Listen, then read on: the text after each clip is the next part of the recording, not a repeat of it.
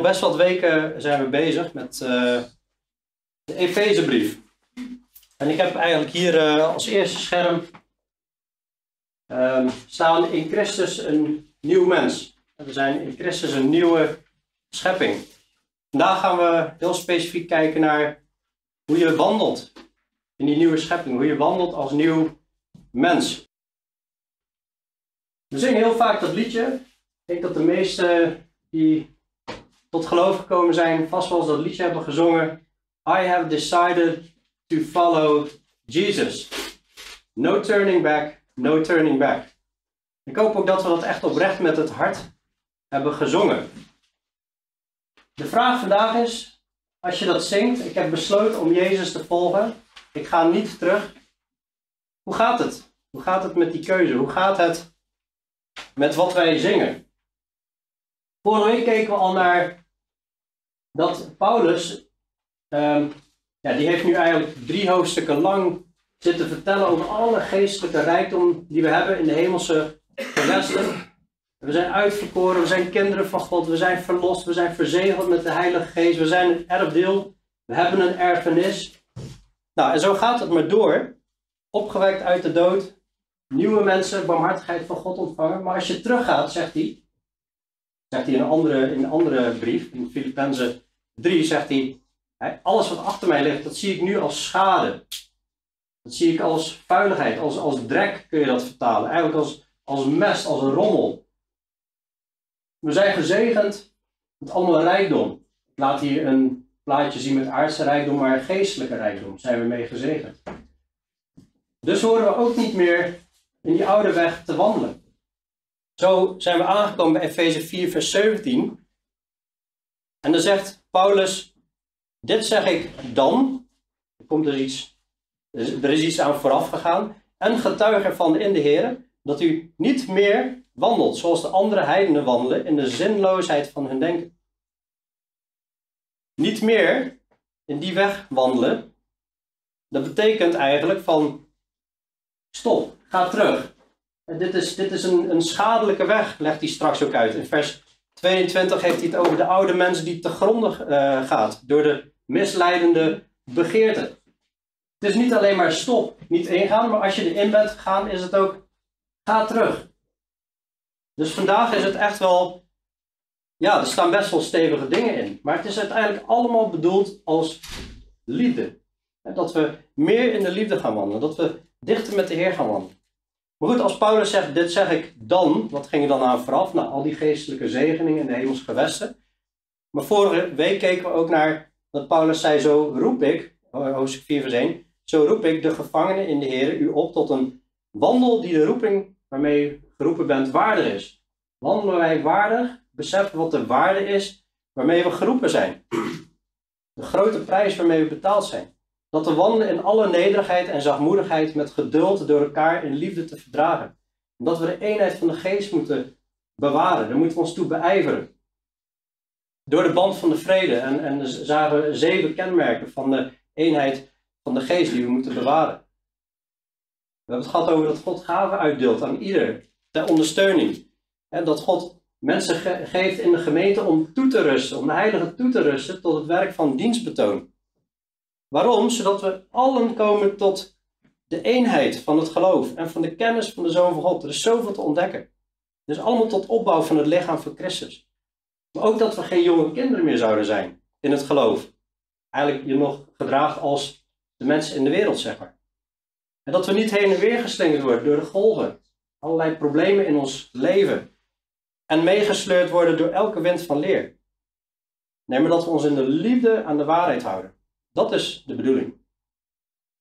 En iedereen heeft een plaats in het lichaam. Iedereen geeft ondersteuning aan dat lichaam. Maar het is allemaal, het, het lichaam bouwt zichzelf op, allemaal in de liefde. Dus hij zegt dan, en getuigt ervan in de Heer, heel belangrijk dat hij dit zegt in de Heer. We gezien dat Paulus een apostel is van de Heer Jezus. En dat we, als we de, de woorden van Paulus lezen, dan mogen we dat zien als zijnde woorden van de Heer Jezus zelf. Dit getuigt, hij getuigt ervan in de Heer. Dat u niet meer wandelt zoals de andere heidenen wandelen, in de zinloosheid van hun denken. De wandel zonder God heeft absoluut geen zin. Het is zinloos. Die zijn verduisterd in het verstand, vervreemd van het leven dat uit God is, door de onwetendheid die in hen is, door de verharding van het hart. Ze hebben zich ongevoelig als ze zijn geworden, overgegeven aan losbandigheid om alle onreinheid begeerig te bedrijven. Dat is de weg van de heidenen. Dat is hoe de heidenen wandelen. Zo moeten wij niet meer wandelen. Ik wil heel even naar Romeinen uh, eh, 1 gaan. Want in Romeinen 1 heb je een stukje, het loopt hier een beetje parallel aan.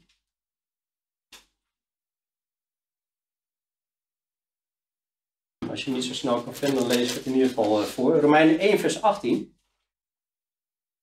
Daar staat dat de toorn van God wordt geopenbaard vanuit de hemel over alle goddeloosheid en ongerechtigheid van de mensen, die de waarheid in ongerechtigheid onderdrukken.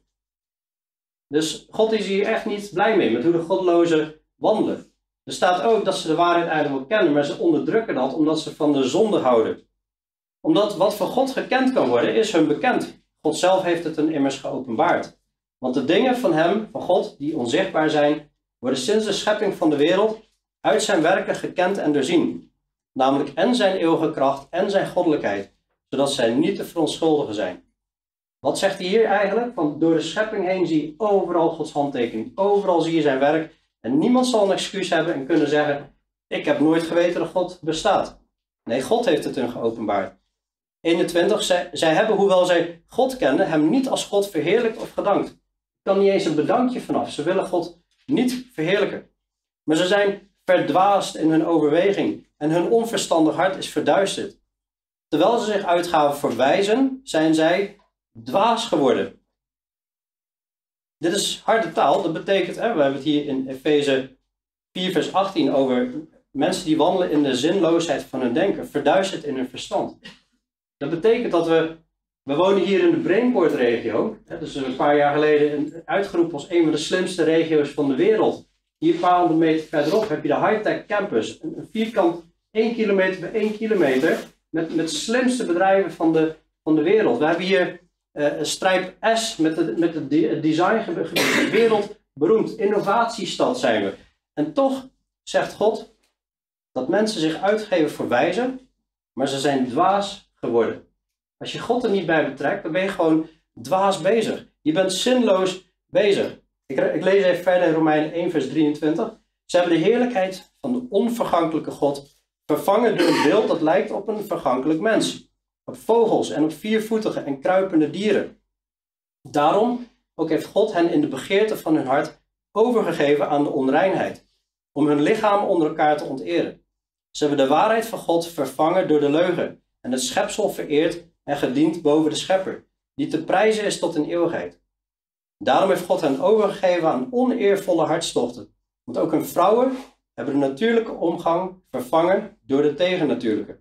Evenzo hebben de mannen de natuurlijke omgang met de vrouwen opgegeven en zijn in wellust voor elkaar ontbrand. Mannen doen schandelijke dingen met mannen en ontvangen het gepaste loon voor hun dwaling in zichzelf.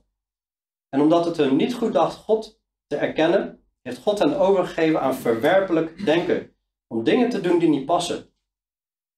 En dan komt er een hele lijst hier. Ze zijn vervuld van allerlei ongerechtigheid, hoererij. Hè, dat in de grondtekst is dat porneia. Hè, dat, er valt porno, alle seks buiten het huwelijk onder. Boosaardigheid, hebzucht, slechtheid. Ze zijn vol afgunst, moord, ruzie, bedrog, kwaadaardigheid. Kwaadsprekers zijn het, lasteraars, haters van God, smaders, hoogmoedigen, grootsprekers, bedenkers van slechte dingen, ongehoorzaam aan hun ouders, onverstandigen, trouwelozen, mensen zonder natuurlijke liefde, onverzoenlijk, onbarmhartig, zij kennen het recht van God, namelijk dat zij die zulke dingen doen, de dood verdienen. En toch doen zij niet alleen zelf deze dingen, maar stemmen ook in met hun die ze doen. Dat is even om het, om, om het beeld weer vers voor ogen te hebben, dus heftig, op hoe het met de goddelozen zit. En dat is wat Paulus zegt. Dit zeg ik dan en getuige van in de Heer dat u niet meer zo wandelt, zoals de andere heidenen wandelen in de zinloosheid in hun denken. Ze zijn verduisterd in het verstand. 2 Korinthe 4 legt uit dat het, de Satan is, hè, de, de, de, God van deze eeuw, niet de God de schepper, maar de afgod Satan, die heeft eigenlijk het verstand en de harten verduisterd, zodat het licht van het evangelie van de heerlijkheid van Christus niet kan schijnen in de harten. Ze zijn vervreemd van het leven dat uit God is. Misschien ken je dat wel als christen, je praat met mensen over God en ze zijn vol verbazing dat er nog mensen zijn die in God geloven. Of je doet niet meer mee met hun werken, zegt, zegt Petrus volgens mij 1 Petrus 4. En dan, dan bevreemdt het hun dat jij ook niet meedoet. Dat vinden ze echt heel raar. Dat is compleet vreemd voor hun. Dit is door de onwetendheid die in hen is, door de verharding van hun hart. Hoewel hier staat dat het door de onwetendheid is die in hen is, kiezen ze uiteindelijk toch ervoor. Want we hebben net ook gelezen dat ze de waarheid en ongerechtheid hebben onderdrukt. Ze willen het niet weten. Petrus zegt in 2 Petrus 2 dat het een willens en wetens onbekend is dat God de schepper is. Ze kiezen heel bewust voor. They are willingly ignorant, staat er in Engels. Dit is door de verharding van hun hart. Keihard zijn ze. En dat zie je ook in onze maatschappij. Zet het nieuws maar aan. Kijk maar naar de statistieken van echtscheidingen, weet ik veel. Al die uh, dingen. Er staat in vers 19, ze hebben zich, ongevoelig als ze zijn geworden, overgegeven aan losbandigheid. Om alle onreinheid begeerig te bedrijven. Jezus zei in Matthäus 24 dat je in het einde van de tijden, wat zul je dan gaan zien en herkennen? De wetteloosheid zal toenemen en de liefde van velen zal verkillen. Dat is een kenmerk van de eindtijd. De goddelozen zijn ongevoelig geworden. Ongevoelig voor één, het geweten wat God gegeven heeft. Die hebben ze afgestompt. Maar weet ook dat de Heilige Geest die gaat rond en die overtuigt de wereld van zonde, gerechtigheid en oordeel. Ze negeren het werk van de Heilige Geest. En vervolgens geven ze zich dus over aan losbandigheid. Dat betekent alle banden los. Geen remmen meer. Gewoon leef erop los. Zuip erop los. Heb seks met iedereen. Dat is hoe ze leven. Om alle onreinheid begeerig te bedrijven. En ze bedrijven niet alleen de onreinheid maar doen dat ook nog eens begeren. Dat betekent dat hun hele leven, het hele denken daarom draait. ik denk dat je vast wel allemaal op je werk gehoord hebt in de kantine waar de gesprekken over het algemeen over gaat, of op school of waar dan ook. Het zit zo diep in de mens. En dit is de dode mens. Dit is de mens die tot leven geroepen moet worden. En dan zegt hij in vers 20: maar u hebt Christus zo niet leren kennen. Dit is niet de weg. En weet je wat ik zo mooi vind? Dat, dat hij hier staat. U hebt Christus zo niet leren kennen. Dat hij niet zegt. Wij horen een heel ander setje regels te volgen. Nee, hij spreekt over. U hebt Christus zo niet leren kennen. Als wij Christus leren kennen, dan willen wij een relatie hebben. Ik leef ook niet heel de dag met Rebecca samen. Kun je me vandaag even mijn, mijn lijstje geven waar ik me aan moet houden? Dan weet jij dat ik. Uh, je lief hebt. Nou soms kun je wel met lijstjes werken, dus ik zeg dat dat altijd negatief is. Maar je snapt wat ik. Dit is, als je Christus hebt leren kennen en je weet wat je rijkdom is, je weet wat hij allemaal gedaan heeft, dan wil je dit niet meer. Dan wil je dat leven niet meer. Zo heb je Christus niet leren kennen. Zo moeten we niet wandelen. Als u hem, vers 21, tenminste gehoord hebt en door hem bent onderwezen, zoals de waarheid in Jezus is. Als u hem tenminste gehoord hebt. Wie oren heeft, die horen wat de geest tot de gemeenten zegt. Zien we in openbaring 2 en 3, heel de tijd. Hebreeën 3 zegt, vandaag als je zijn stem hoort, verhard dan je hart niet. Horen wij echt, luisteren we echt naar de boodschap van Jezus. Het is, als je hem tenminste gehoord bent en door hem bent onderwezen. Dus de grote opdracht, leer de mensen onderhouden alles wat ik u geboden heb. Ze begint eerst met, oh, we moeten zelf leren onderhouden alles wat Jezus geboden heeft, zoals de waarheid in Jezus is. Jezus spreekt absolute waarheid. Hij is onze schepper. Hij weet wat het beste voor ons is. Hij weet hoe wij het beste met elkaar om kunnen gaan.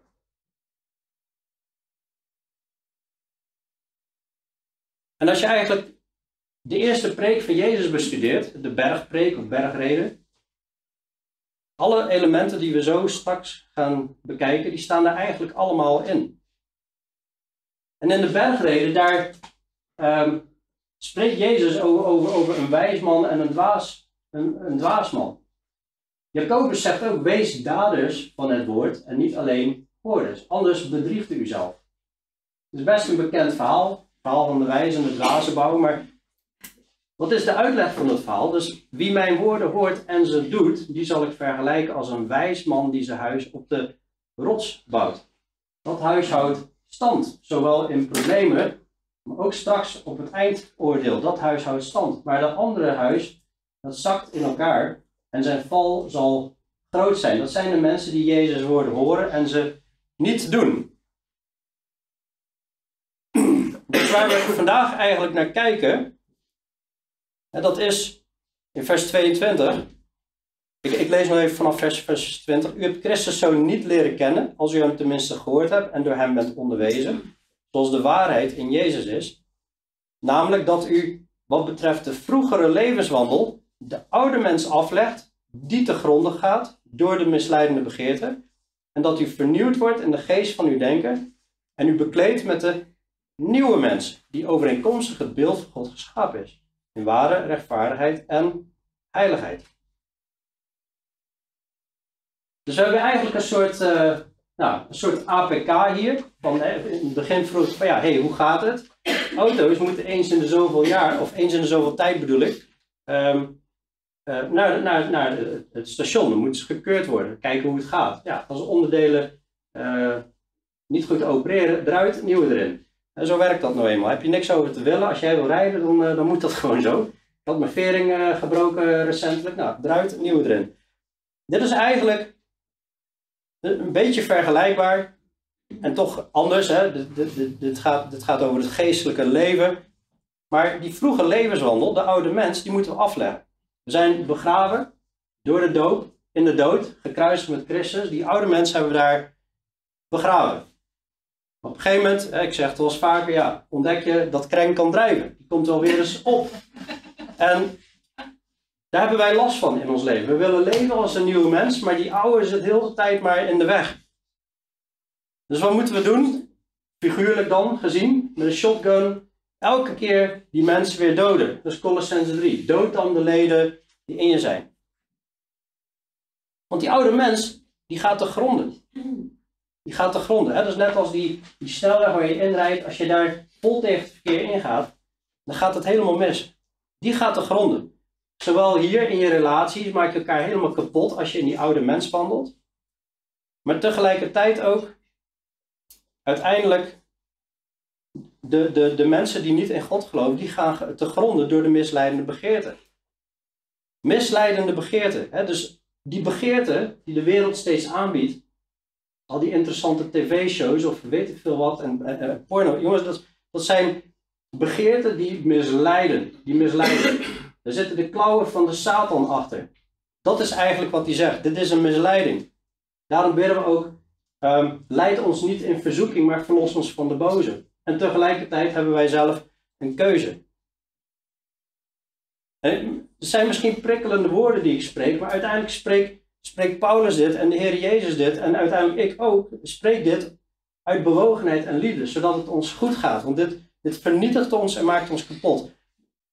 En de dief die komt alleen maar om te stelen en te slachten en verloren te laten gaan. Maar Jezus is gekomen ons, om ons leven te geven in overvloed. En we moeten vernieuwd worden in de geest van uw denken. We moeten de wereld niet gelijkvormig worden. Dus ik heb hier een plaatje. Het ziet er een beetje apart uit, moet ik wel zeggen. Maar het geeft wel heel duidelijk het beeld aan van laat het woord van Christus rijkelijk in je wonen. Colossense 3. Bedenk de dingen die boven zijn, niet die beneden zijn. Johannes 8, vers 31. Als je in mijn woorden blijft, ben je werkelijk mijn discipelen. Je zult de waarheid kennen en de waarheid zal je vrijmaken. Maar als wij ons maar blijven vullen met begeerte naar rijkdom, verlangen naar rijkdom, dat is een strik, zegt Paulus in 1 Timotheüs 6. Die vallen in een, in een strik.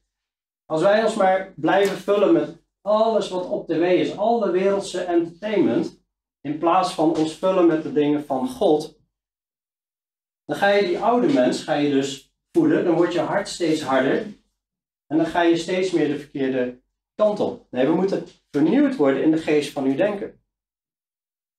Daarom worden we ook aangemoedigd door Paulus in, in Hebreeën, of niet, ik denk Paulus, in Hebreeën 10, vers 25, om de onderlinge bijeenkomst niet te na te laten. Vooral als we zien dat de uh, grote dag nadert. Hè, dat we elkaar moeten aansporen. Ik zat gewoon eens na te denken van, als je, als je, als je uitrekent van deur tot deur, ben je misschien uh, nou, woensdag een uur of drie uh, kwijt aan bezoeken van een woensdag en op zondag net zo goed, tenzij je helpt met opzetten en afbreken. Nou, dat is 6 uur uh, per week. Dat is ongeveer 3,5% van je tijd, over de hele week gezien.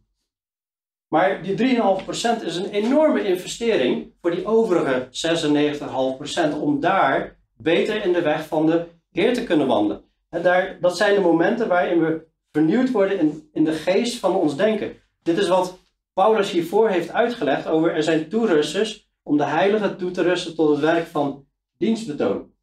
Daar word je verrijkt in je denken. En natuurlijk ook je dagelijkse tijd met de Heer. Gewoon je stille tijd, zoals we dat noemen. Ons woord lezen en bidden. Dus in vers 24 zegt hij: En u bekleedt met de nieuwe mens. En we moeten ons bekleden met de nieuwe mens. Bekleden met Christus. En die nieuwe mens is overeenkomstig het beeld van God geschapen in ware rechtvaardigheid en heiligheid. Ik vind het wel mooi als je erover nadenkt dat je in alle beginnen Genesis staat dat God zei: laten wij mensen maken naar ons beeld. Naar ons beeld en onze gelijkenis. En God schiep mensen naar zijn beeld, naar zijn gelijkenis. Alleen ze faalden waardoor ze niet meer wandelden in zijn beeld en zijn gelijkenis. Ze zijn geestelijk gestorven.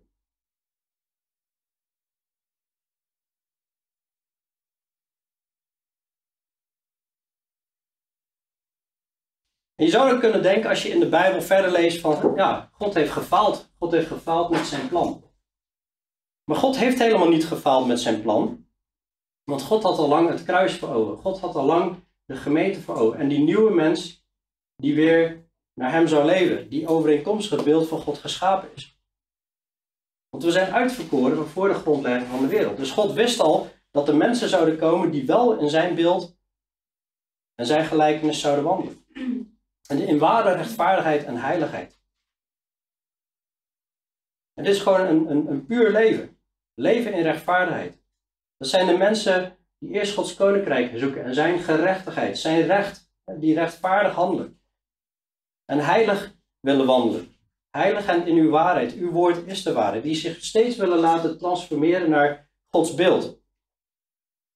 Oké, dus als we dit weer allemaal beseffen, zegt Paulus in vers 25, leg daarom de leugen af en spreek de waarheid, ieder tegen zijn naaste. Allereerst Gods woord rechtsnijden, dat is de waarheid. Maar ook in allerlei alledaagse situaties, op je werk, binnen je gezin, kinderen, ouders, binnen je huwelijk, binnen vriendschappen. Spreek de waarheid, ieder tegen zijn naaste. Maar vooral binnen de gemeente natuurlijk, want wij zijn immers leden van elkaar. Waarom zou mijn linkerhand de rechterhand bedriegen? Dat is eigenlijk wat hij zegt. Waarom zou je eigen lichaam zichzelf bedonderen? We zijn allemaal deel van het lichaam van Christus. Dus spreek de waarheid. Het volgende punt is wel boos, uh, wel interessant, wordt boos staat daar. Maar zondig niet. Laat de zon niet ondergaan over uw boosheid en geef de duivel geen plaats. Dus voordat jullie nu allemaal boos gaan worden, even wachten. Hier staat wel, word boos, maar het is niet de, een opdracht om nu boos te gaan worden. Maar in de situatie dat je boos wordt, gaat dat natuurlijk over. Ja, zondig niet. En laat de zon niet ondergaan over je boosheid. Geef de duivel geen plaats. Nou, in vers 31, daar staat: Laat alle bitterheid, woede, toorn, geschreeuw en laster van u weggenomen worden met alle slechtheid. Maar wees ten opzichte van elkaar vriendelijk, barmhartig, vergeef elkaar zoals ik God in Christus u vergeven heeft. Wat hij hier bedoelt is, wordt, boos in die zin, dat komt voor, dat we boos worden. Dat is een emotie. Daar kun je soms niks aan doen. Er gebeuren dingen in het leven. Het kan zijn dat je het nieuws zit te kijken en je ziet onrecht, daar kun je boos om worden. Iemand kan iets zeggen wat je niet fijn vindt, dat, dat kan prikkelen en daar kun je boos om worden. Maar er staat wel zondig niet. Ofwel, laten wij die boosheid eruit komen. Laten we dat overgaan naar bitterheid, woede, toorn en al die dingen. Laat de zon niet ondergaan over uw boosheid. Dus de Heer zegt hier van, los het op, los het snel op, voordat de zon ondergaat. dus binnen dezelfde dag. Ofwel, ja, eigenlijk gewoon direct. Ik denk ook niet dat we er creatief mee om moeten gaan van, oh, ik ben net boos geworden, maar de zon is gelukkig net over, dus ondergaan, dus ik heb nog 24 uur. of, uh, oh, in, in, de zomer gaat de zon later om, dus kan ik iets langer boos zijn. Dat, is natuurlijk, dit is natuurlijk bedoeld, los je probleem zo snel mogelijk op. Het staat ook bij, geef de duivel geen plaats. Dan komt het wel eens voor in, in, ons huwelijk dat we wel eens moeten zeggen, nou laten, we deze discussie even parkeren tot uh, iets later. Vooral als een maandelijkse gebeuren is, zeg maar, dan is dat soms verstandiger. Maar we lossen wel, we lossen wel. Geef, iemand anders de schuld, hè? sorry. Zo was het niet bedoeld. Nee, maar, dat is, maar is wel echt zo. Hè? Ook, ook, daarin ontdek je gewoon van, hey, bepaalde discussies hebben wij gewoon, als we het een week later doen, in een half uur zijn we eruit, terwijl het anders uren kan duren daar word je ook wijzer in. Maar word boos en zondig niet, laat de zon niet ondergaan over je boosheid. Geef de duivel geen plaats. Op het moment dat jij je boosheid laat gaan, dan staat er iemand die staat klaar om meteen aan te vallen. Kom daar zo op terug, als we bij vers 31 zijn. Wie gestolen heeft, moet niet meer stelen, maar zich liever inspannen om met handen goed werk te doen. Om iets te kunnen delen met wie gebrek heeft. Dat klinkt natuurlijk vrij logisch. Met christen geworden, natuurlijk stel je niet meer. Natuurlijk ga ik geen bank beroven. Maar goed, dat zijn wel de, de grote dingen hè, die je niet zo heel snel doet. Maar hoe zit het met illegale software? Illegale software is volgens de Nederlandse wet is dat verboden. Het is verboden om illegale software te downloaden. Je hoeft niet over te discussiëren wat vind jij het wel of niet illegaal downloaden. Onze overheid zegt dat en we moeten onze overheid gehoorzamen. Of het snoepje van de kruidvat. Ga snoep halen, oh, als even wat uh, snoepjes even voorproeven. Meld je dat dan ook bij de kassa? Als 16 miljoen Nederlanders even een snoepje bij de kruidvat proeven, dan is dat misschien wel tonnen per jaar. Dat weet ik, ik weet niet wat dat kost allemaal, maar we horen eerlijk te zijn, ook in de kleine dingen. En de Belastingdienst, geven we alles eerlijk op? Zijn we eerlijk naar de Belastingdienst? Ook de ondernemers, zijn die eerlijk in hè, alles, alles zorgvuldig aan te geven? Geef God wat God toekomt en de keizer wat de keizer toekomt. Hè? Dat, is de, dat is de overheid. Misschien word je wel eens opgeroepen, of misschien ben je er zelf eens toe geneigd om oneerlijk te handelen op je werk. Ik heb het zelf ooit meegemaakt. Het ging over grote bedragen, ging over twee ton en er moest weer flinke marge op uh, komen. En er werd mij gewoon gevraagd oneerlijk te handelen. En mijn commercieel directeur die vroeg tot vijf keer toe. Ik had gezegd, nee, ga ik niet doen. Als we het sowieso doen, dan vind ik het prima. Tot vijf keer toe vroeg hij mij, ik wil wel dat je dat gaat doen. Ik, ik heb uiteindelijk gezegd, ja, als je, als je het echt zo graag wil, moet je het echt zelf gaan doen. Nou, je weet natuurlijk dat dat is best wel, aan de ene kant klinkt dat opstandig naar je baas, maar ik heb verantwoording af te leggen naar, naar God. En ik had zo echt zoiets als God, als, als ik hierdoor ontslagen word, dan weet ik ook dat, dat u voor mij zal zorgen.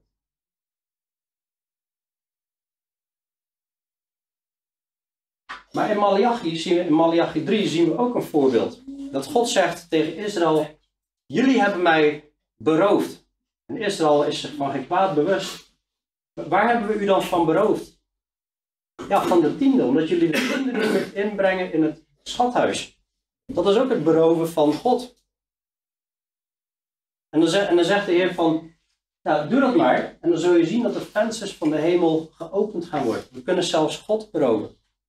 Wie gestolen heeft, moet niet meer stelen, maar zich liever inspannen om met de handen goed werk te doen om iets te kunnen delen met wie gebrek heeft.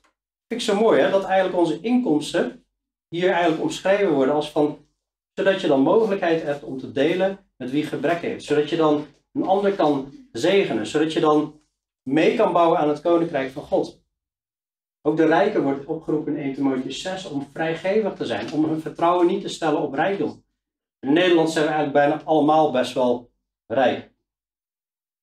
Dus gewoon echt zo super praktisch is dit. Maar dit is wandelen in de liefde. Wandelen in de liefde naar God en in de liefde naar mensen. Nou, laat er geen vuile taal uit uw mond komen. Vers 29. Maar wel iets goeds dat nuttig is tot opbouw. Dat het genade geeft aan hen die het horen. Spreken wij dingen die nuttig zijn tot opbouw van de ander? Of gooien we allemaal geslachtsdelen eruit? Of gooien we allemaal uitwerpselen eruit? Jezus heeft zelf gezegd, niet, niet wat de mond ingaat verontreinigt de, de mens, maar wat de mond uitgaat. Dat verontreinigt de mens. En dat, dat, woordje fel hier, als je in de grondtekst bekijkt, dat is corrupt, dat gaat over rottend fruit. Maar God wil dat wij godsvrucht laten zien. En woorden tot opbouw, dat is godsvrucht. En dat is profiteren. Wie, wie spreekt uh, woorden van vermaning, opbouw en troost? Maar als wij vuile taal spreken, net als de rest van de wereld, dan, dan spreken we eigenlijk rottend fruit. Dan komt er geen godsvrucht uit. En ik denk ook dat dat, dat logisch is als je hierover nadenkt. Ik bedoel, stel op je werk elke keer als er iets misgaat, je, je gooit alle scheldwoorden maar overal heen. Of uh, misschien ben je timmerman en je slaat op je duim. En wat komt er dan uit op dat moment? Hè? Op het moment dat het even misgaat. En men kent jou als zo'n persoon die van alles nog wat eruit gooit. Net zo meedoet met de gro grove grapjes uh, in de kantine als de rest. Misschien overtref je de rest nog zelfs al. En dan op een gegeven moment gaat het een keer over God. En, oh by the way, heb je ooit wel eens van het reddingsplan van Jezus gehoord? Hoe hij mensen kan transformeren? Oké, ja, zo, zoals jij zeker. Dat, dat, dat, dat matcht niet. We moeten dingen spreken, vooral hier ook, hè, die nuttig zijn tot opbouw. Opdat het genade geeft aan hen die het horen. En bedroef de Heilige Geest van God niet, door wie u verzegeld bent tot de dag van de verlossing. Dit laat weer zien, we zijn niet met een set regels bezig, we zijn bezig met een relatie met God. Om in heiligheid en in liefde te wandelen. Zo hebben we Christus niet leren kennen, zei hij eerder. En nu gaat het ook bedroef de Heilige Geest van God niet. De Heilige Geest is niet een fenomeen, maar is een persoon. De Heilige Geest is God. Eén van de drie eenheid van God. Dus we moeten God niet bedroeven. Dat betekent dat God, als wij wel in die andere weg doorgaan, laten we God huilen. En dit doet God verdriet. En God wil niet dat we hem verdriet doen. De liefde van God is in onze harten uitgestort door de Heilige Geest. Zodat we volkomen in liefde kunnen wandelen, in vrede. Bedroeft de Heilige Geest van God niet en Blus de geest niet uit, staat in 1 Thessalonians 5. We zijn verzegeld met de Heilige Geest. De Heilige Geest woont in ons. Ons lichaam is een tempel van de Heilige Geest. Laten we dat ook rein en heilig en vol liefde houden. We zijn verzegeld met de Heilige Geest tot de dag van de verlossing. Dat is een bemoediging en tegelijkertijd een belangrijk besef dat we de Heilige Geest van God niet moeten bedroeven. Ik weet niet waarom Paulus het volgende uit elkaar heeft gehaald. Laat alle bitterheid, woede, toorn, geschreeuw en lasten van u weggenomen worden met alle slechtheid. Je zou denken van, hé, hey, hij had het in vers 26, 27 over boosheid en ineens komt hij er toch nog op terug. Maar ik denk dat hij nog eens heel duidelijk wil benadrukken. Onze houding naar de ander is zo belangrijk. Niet alleen maar, word boos, maar zondig niet. Laat de zon niet ondergaan over de boosheid. Maar hij komt ook nog eens een keer heel specifiek erop terug dat we ons niet moeten laten gaan. Er moet geen bitterheid in ons zijn. Ik geloof op basis van deze teksten dat als jij een ander niet vergeeft, als jij zegt, ik ben klaar met die ander, die ander moet het maar uitzoeken. Daar hoef ik geen contact meer mee. Dat is bitterheid. En dat is een groot probleem. Want als wij de ander niet vergeven, staat in Matthäus 6, komt na het onze Vader. Er staat, als wij de andere zonden niet vergeven, zal de Vader ons ook niet vergeven. Als wij de ander wel vergeven, dan zal de Vader ons ook vergeven. Er wel een ernstige stok achter de deur om geen bitterheid in je hart te laten komen. Bitterheid is gewoon echt verharding. Maar bitterheid, ik heb, ik heb mensen ontmoet en specifiek, ik noem nu als voorbeeld een, een vrouw die was al plus 70 en die had heel veel vervelende dingen meegemaakt. Die waren ook echt heel vervelend. Maar die bleef daar zo, zo in hangen. Tot vijf, zes keer toe ben ik daar op bezoek geweest. En elke keer kwamen al die problemen naar boven. En, en, en het gezicht was zo boos, zo hatelijk, maar het was al 30, 40 jaar geleden.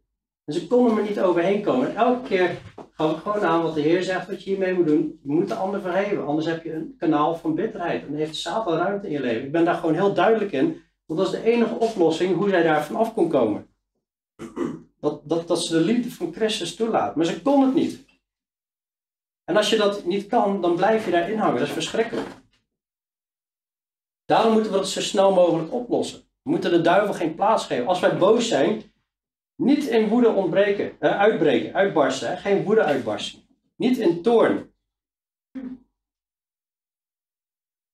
Het lijkt wel een beetje overtreffende trappen van woede naar toorn. Ik zat eigenlijk na te denken. Ik het niet voorbereid, maar ik zag hier van die kannen staan. Als, als jij in woede ontbarst. En de vonken vliegen er vanaf in je leven als je boos bent. En je laat dat gaan, en Satan die ziet dat. Weet je wat Satan zal doen? Als, hè, geeft de duivel geen plaats. Op het moment dat jij jezelf laat gaan, dan staat hij klaar met de jerrycan hij ziet de vonk vanaf je hij zal terpentine en benzine vol erbovenop gooien, zodat echt de boel knalt.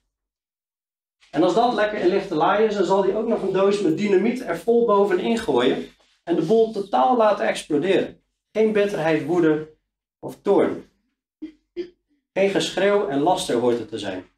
En laster, dat is nog, hè, dat je dan zegt, nou, ik laat het nu niet compleet eruit komen, maar ik zal hem eens even flink uh, achter de rug om op het werk zijn leven helemaal kapot maken. Laat dit allemaal van u weggenomen worden. Met alle slechtheid. Dus misschien zeg je, ja, dat doe ik allemaal niet, maar ik zal eens even in alle rust een mailtje tikken. Nee, alle vormen, alle vormen van slechtheid moeten weggenomen worden dus die, die boosheid, en Spreuken heeft daar een enorme wijsheid over. Een zacht antwoord keert woede af, maar een krenkend woord wekt toorn op. Dus kom je in een situatie waar, oh, het wordt steeds hoger die toon en het wordt steeds lastiger. Vraag om gebed, Heer, oh, wilt u me rust geven? Ik heb echt moeten leren, het gaat steeds beter gelukkig, door de jaren heen, dat dit echt de wijsheid is. Dat een zacht antwoord keert woede af. En dan worden de mensen weer blij. Of als je in zo'n ruzie bent. Oh, oeps.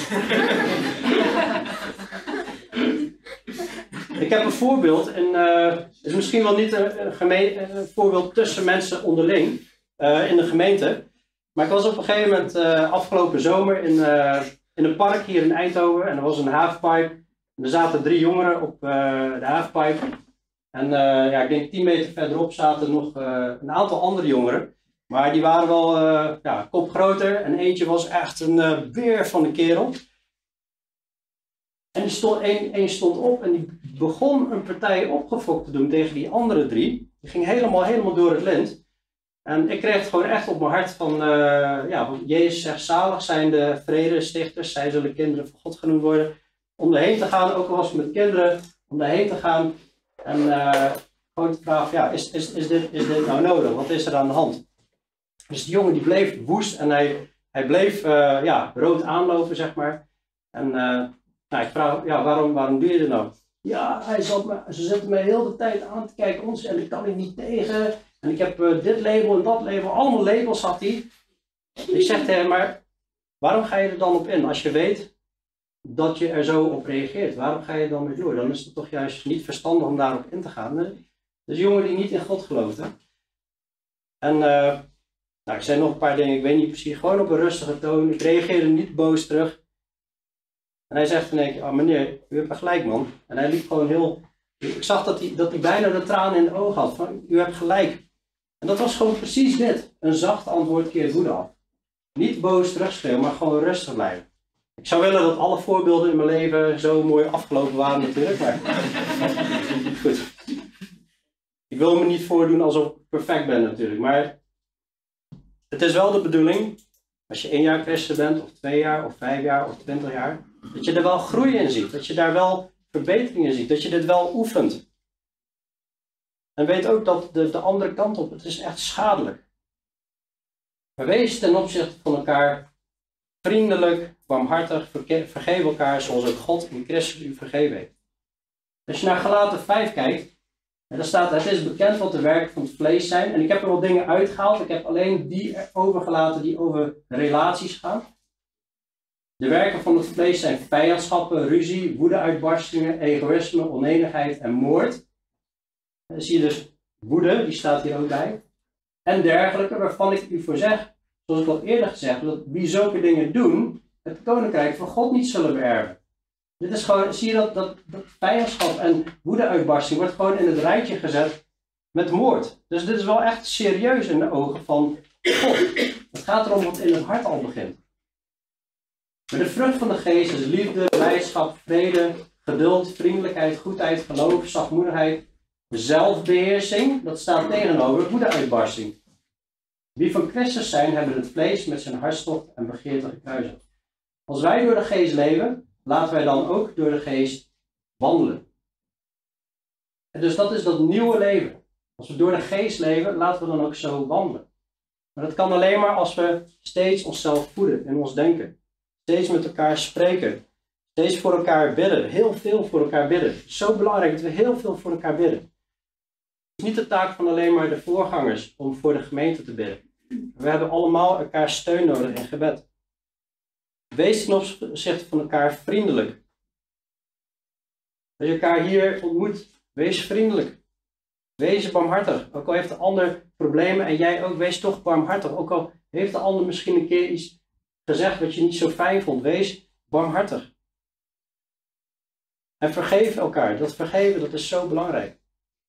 Mijn vader zou altijd sorry zeggen is een sleutel tot een goed huwelijk. Als jij, als jij stopt met sorry zeggen, heb je gewoon een probleem. En dan verhard je je hart. Zoals ook God in Christus u vergeven heeft. Dan zie je weer de link van elkaar vergeven en zoals ook God in Christus u vergeven heeft.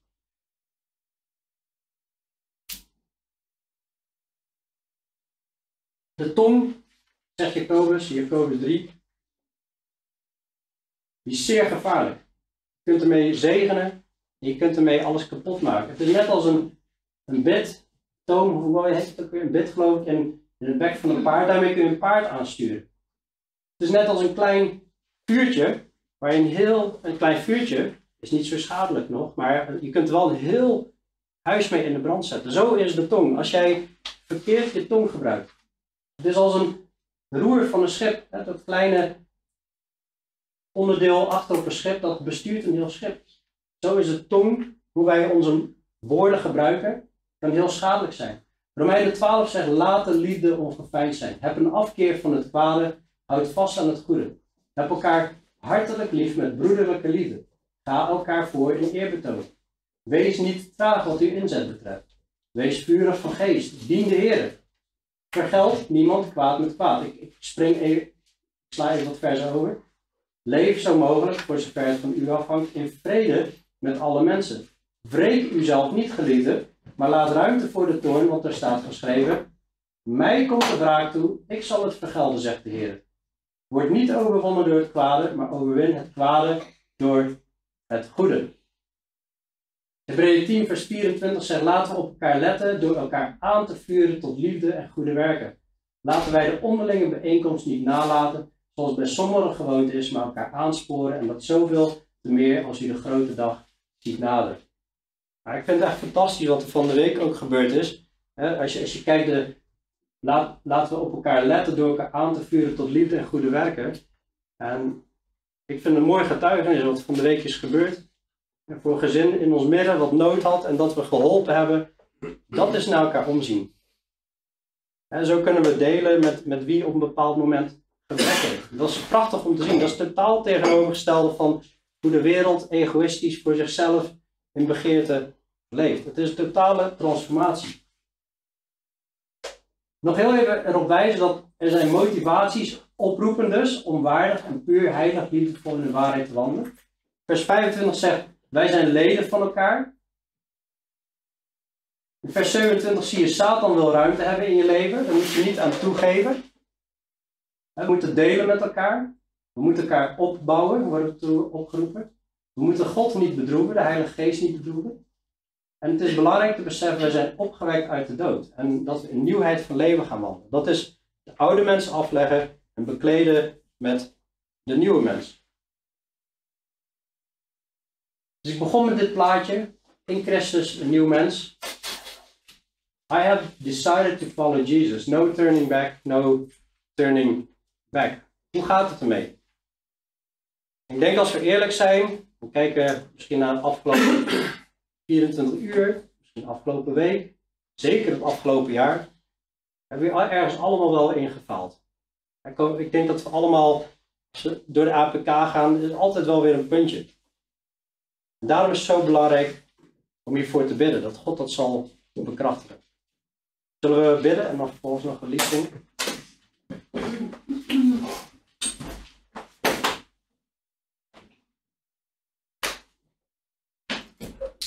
Misschien ook goed terwijl we bidden dat we ook gewoon ons hart weer onderzoeken. Hebben we de Heer Jezus echt nog lief en de naaste als onszelf? Heer, wilt u door uw geest ons hart doorzoeken? Ons aanwijzen, Heer, waar we weer gefaald hebben. Misschien voor de zoveelste keer. Maar ik dank u zo van harte voor dit woord wat u geeft. Omdat u ons nog meer wil zegenen met rust en met blijdschap in ons dagelijkse leven, in de relaties. En als we daarin wandelen, dat u ons ook nog weer wil zegenen met schatten in de hemel. Als we eerst uw koninkrijk zoeken en uw gerechtigheid en daarin wandelen. Heer, dank u wel voor. Ja, er zaten misschien grappige dingen tussen, maar het was ook gewoon serieus, dat, wat, wat, wat u zegt hier. Wilt u ons helpen om in liefde te wandelen, om eerlijk te zijn? Niet mee te doen met vuile taal, niet mee te doen met schunnige grappen. En vooral in relaties als, als de gemoederen heet oplopen of, of dat het lastig wordt, wilt u ons helpen om ons te beheersen. Ik weet dat u, ik geloof dat uw geest dat bij iedereen kan, Heer, dat, dat, dat u zo krachtig bent, want u hebt ons geschapen. Wilt u dat bewerken in ons leven? Wilt u ons laten groeien daarin? Dat we door al deze voorbeelden beseffen waar, wat voor gevolgen het heeft als we dat niet doen. Wilt u krachtig werken door uw Heilige Geest? Wilt u ons vullen, Heer? Met uw liefde, met verdraagzaamheid, met vergevingsgezindheid, met hartelijkheid, barmhartigheid, al die dingen. Zodat we meer als u mogen zijn. Meer op u mogen lijken. Geschapen naar uw wil. Heer, en als we zo dat uh, lied zingen, volgens mij komt dat lied zo, I have decided to follow Jesus, dat we ook echt met ons, met ons hart en ons verstand zullen zingen. En dat het niet alleen maar woorden zullen zijn. In Jezus' naam.